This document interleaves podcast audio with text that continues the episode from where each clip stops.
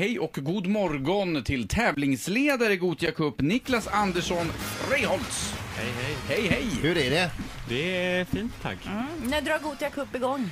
Eh, ja, första matchen spelas ganska precis idag om tre veckor. Eh, Och om jag nu eh, rattar in radion här och eh, har ingen aning om vad Gotia Cup är överhuvudtaget. Vad skulle du vilja beskriva? Vad är Gotia Cup? Eh, Gothia Cup är världens största fotbollsturnering. Eh, det är också Sveriges största årligen återkommande evenemang eh, som går här i våran stad, Göteborg. Mm. Och hur många deltagare är det i år? Eh, deltagare kommer vara ungefär 40 000 eh, och de kommer representera ungefär 1670 fotbollslag från 81 olika nationer. Och, och ifrån vilken nation är det flest, förutom Sverige då, eh, deltagare? Tyskland har eh, näst flest eh, lag hur, som många, deltar. hur många är det därifrån? Eh, 140 lag på någon siffra, någon upp eller ner. Du, det här med världens största turnering, är det, det är ingen som försöker komma ikapp?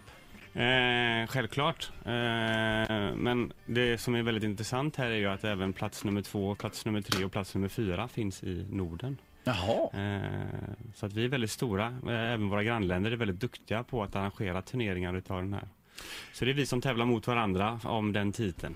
Ja. Du, eh, kan du berätta, vad, vad är, enligt dig det största skälet till att Gotia Cup överhuvudtaget finns som eh, turnering? Eh, oj, eh, staden Göteborg är ju nummer ett på den listan varför det kan vara just här och hur det är möjligt att organisera en turnering i den här storleken. Eh, Göteborg är en evenemangsstad eh, och har blivit mer och mer så genom åren. Eh, ända sedan Gothia Cup startade 1975 så har man växt tillsammans och gjort det möjligt att eh, kunna genomföra en turnering som är så här stor. Vad är det stora problemet med att organisera en sån här grej? Den största utmaningen om jag säger så? Eh, att informera alla eh, deltagare, alla funktionärer. På 61 språk. Ja. Nej, Eller jag menar deltagarna tänkte jag på. Ja, ja. eh, vi, vi, vi kommunicerar själva på, på fyra språk från kontorets sida. Sen är det klart att vi använder oss av mycket guider och tolkar under genomförandet. Eh, men jag tror också det är en av våra styrkor som organisation, att vi är duktiga på just kommunikation och information. Så att alla vet vad de kan förvänta sig, alla vet hur saker och ting fungerar. Vilket är det mest exotiska landet som ni har med? Eh, I år har vi ett nytt eh, land som deltar för första gången som är Sao Tomé. Eh, eh, Var ligger det? ja, det ligger... Eh, eh, vi se.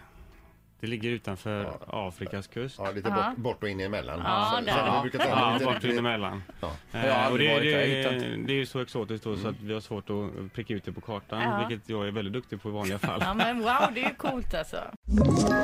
Ett poddtips från Podplay.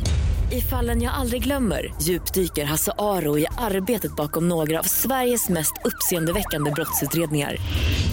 Går vi in med hemlig telefonavlyssning och, och då upplever vi att vi får en total förändring av hans beteende. Vad är det som händer nu? Vem är det som läcker? Och så säger han att jag är kriminell, jag har varit kriminell i hela mitt liv men att mörda ett barn, där går min gräns. Nya säsongen av Fallen jag aldrig glömmer på Podplay.